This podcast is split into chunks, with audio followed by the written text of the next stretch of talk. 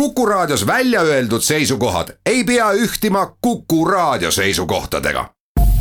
Te kuulate Kuku Raadiot.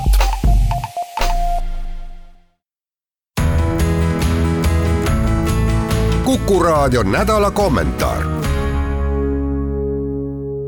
tere, mina olen Peeter Espak ja loen tänast nädala kommentaari teemal teaduspõhine poliitika teaduse tähtsus ja olemus on teravalt päevakorda kerkinud just nüüd, kui valitsus on otsustanud taganeda oma juhtide poolt allkirjastatud ja ausõnaga kinnitatud leppest, millega lubati suurendada rahastuse osakaalu ühe protsendini sisemajanduse kogutoodangust.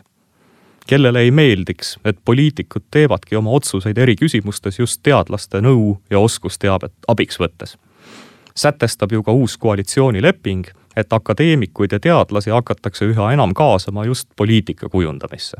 kuid siinkohal kerkib üles probleem, milliseid teadlasi? kas neid, kes annavad oma nõu ja teavet ligikaudu silmas pidades nii loodusteaduslikke fakte kui kultuurilist pärisolukorda ja seaduspärasusi või neid, kelle jaoks teadus tähendab eelkõige ideoloogilist lobitööd ja oma kallutatud maailmapildi kaudu reaalsuse moonutamist ka enda eriala orientalistika ja usundiloo perspektiivist saab välja tuua maailma ajalugu mõjutanud otsuseid, kus neutraalseid teadlasi kuulda võttes oleks katastroofe saanud vältida. kui aastal kaks tuhat kolm oleks USA president Bushile Iraaki tungimise osas nõu andnud tõeliselt piirkonda tundvad teadlased, mitte parteilised ideoloogid, oleks iga kainelt mõtlev teadlane suutnud otsustajatele selgitada, et niivõrd väheste vägedega Iraaki tungimine lõpeb katastroofiga ning toob kaasa kaosesse langemise, nagu edaspidi ka äärmusluse esile kerkimise. selles olid muide viisteist aastat tagasi üksmeelel nii Soros kui Trump. parem fanaatiline maailmapilt jäi aga domineerima. või kui oleks Obama administratsioon võtnud kuulda adekvaatsete teadlaste arvamusi, ei oleks mitte kunagi antud oma toetust või moraalset tuge ka islamistlikele liikumistele Lähis-Idas isegi meie Eesti orientalistid. nii Tartu Ülikoolist kui ka Tallinna Ülikooli professor Otto Jastrov andsid ette täiesti selged hoiatused, mis hakkab toimuma. võimule saavad islamistlikud äärmusrühmitused, igasugune alge demokraatiaks kaob ning kõige lõpuks saabub ka pagulaskriis tol hetkel võimul olnud poliitikkond lähtus oma otsuste tegemisel aga vasakliberaalsest ja kohati ka islamofiilsest perspektiivist ja maailm paisati veelgi suuremasse kaosesse, kui ta oli enne sattunud Bushi mõtlematute tegude tagajärjel. eri valitsuste, sealhulgas Eesti oma arusaamu kritiseerinud teadlasi sildistati aga mõlemal juhul kas ebapatriootlikeks või hoopis islamofoobseteks. teadust hakatigi nägema ja talle peale suruma parasjagu võimul oleva poliitikkonna suuvoodri staatust eriti tugev ideologiseerumine on aga täna nähtav just sotsiaalteadustes, mille tulevikusuuna ja olemuse osas on väga selgelt oma arvamust väljendanud näiteks Tallinna Ülikooli ühiskonnateadlane Tõnis Saarts. tsiteerin. paljudes teistes lääneriikides ei pea sotsiaalteadlased kiivalt oma ideoloogilisi eelistusi varjama, vaid ütlevad uhkusega, et on demokraatide poolehoidjad või vasakpoolsed ajakirjandustraditsioon ja rolliootused ekspertidele võivad suuresti erineda. tõsi on see, et enamik sotsiaalteadlasi on oma maailmavaatelt pigem vasakliberaalid. ortodokselt turuuskseid neoliberaale kohtab pigem ülikoolide majandusteaduskonnas ning käremeelseid rahvuskonservatiive ajaloo ja humanitaarteadlaste seas. tsitaadi lõpp. üha suureneva kontingendi sotsiaalteadlaste meelest ongi vasakliberalism teaduslik maailmapilt on ammugi kujunenud tavaks isegi mitte enam varjata, et tegeletakse poliitilise lobitööga, nagu kinnitab näiteks Evelis Kurss oma seksuaalvähemusi kajastava magistritöö sissejuhatuses. võitlust endale mittesobiva maailmapildiga on teiste seas aga alustanud ka ERR teadustoimetaja ja ajakirjanduse õppejõud Marju Himma kord süüdistab ta ajalehte Postimees mõjutatuses kahtlaste jõudude poolt, kord jälle kutsub avalikult üles kõiki ajakirjanikke mitte kajastama minu poolt juhitava MTÜ Ühiskonnauuringute Instituut uuringu tulemusi.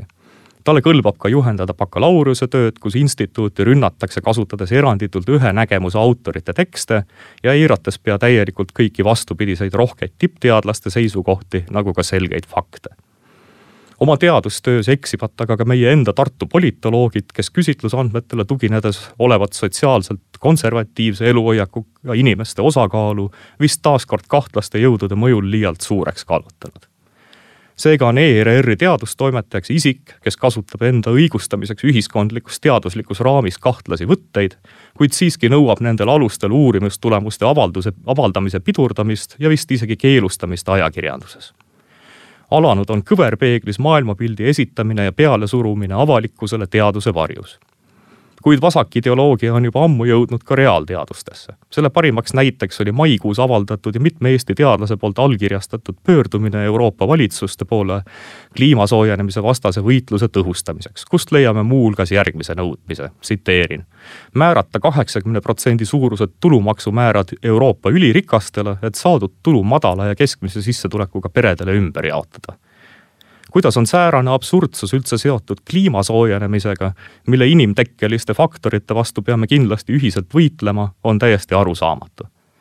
ka meie debatt metsanduse, tehaste, maavarade, kanalate, raudteede, tuumajaama, põlevkivi või ka sisserände üle ei põhine ammu enam mitte teaduslikul kaalutlusel, vaid ideologiseeritud maailmapildil ka vasakteaduse kritiseerijad, kelle hulka kuulun kindlasti ka mina, ei nõua mitte teaduse muutumist konservatiivseks, vaid tagasi teaduseks kuigi oma prognoosides võivad eksida nii sotsiaal-, humanitaar- kui reaalteadlased, on teaduslikult neutraalne prognoos alati täpsem ja tõele lähedasem kui selle täielik puudumine või koostamine vasakideoloogia baasilt. vasakteadus viib nii majanduse, ühiskonna, kultuuri kui lõpuks ka kliima ja kogu planeedi kaosesse või diktatuuri ja looduskatastroofile lähemale. täpselt nagu on seda siiani teinud kõik punariigi korraldused hoidkem meie teaduse rahastamise debatist eemale nii kõigi Eesti ultraliberaalid, kelle saba ja sarved on ammu paistmas meie teadusrahastusprotestide juurest, kuid kutsugem korrale ka parempoliitikud, kes nimetavad oma õiguse eest seisvaid teadlasi punaprofessoriteks. Keskmine Eesti teadlane on oma tegevuses aus ja maailmatasemel ning väärib paremat, kui talle seni on pakutud. Punaprofessorite ringkäenduslikke võrgustikke ja nende pahatahtlike rünnakute all kannatabki just see enamuse moodustav päris teadlane kui seda niigi kannatanud teadlast aga ähvardada paremalt poolt, võibki tast alateadlikult kujuneda punane. sest kõigi Eesti, kellede ideoloogide jaoks kõlab sõna põhiseadus sama kurjakuulutavalt kui karistusseadustik pätile ja teised sarnased ideoloogid on hetkel just need, kes teadlasi oma vankri ette pannes ära kasutada proovivad. ärgem andkem neile selleks võimalust. kuku raadio nädala kommentaar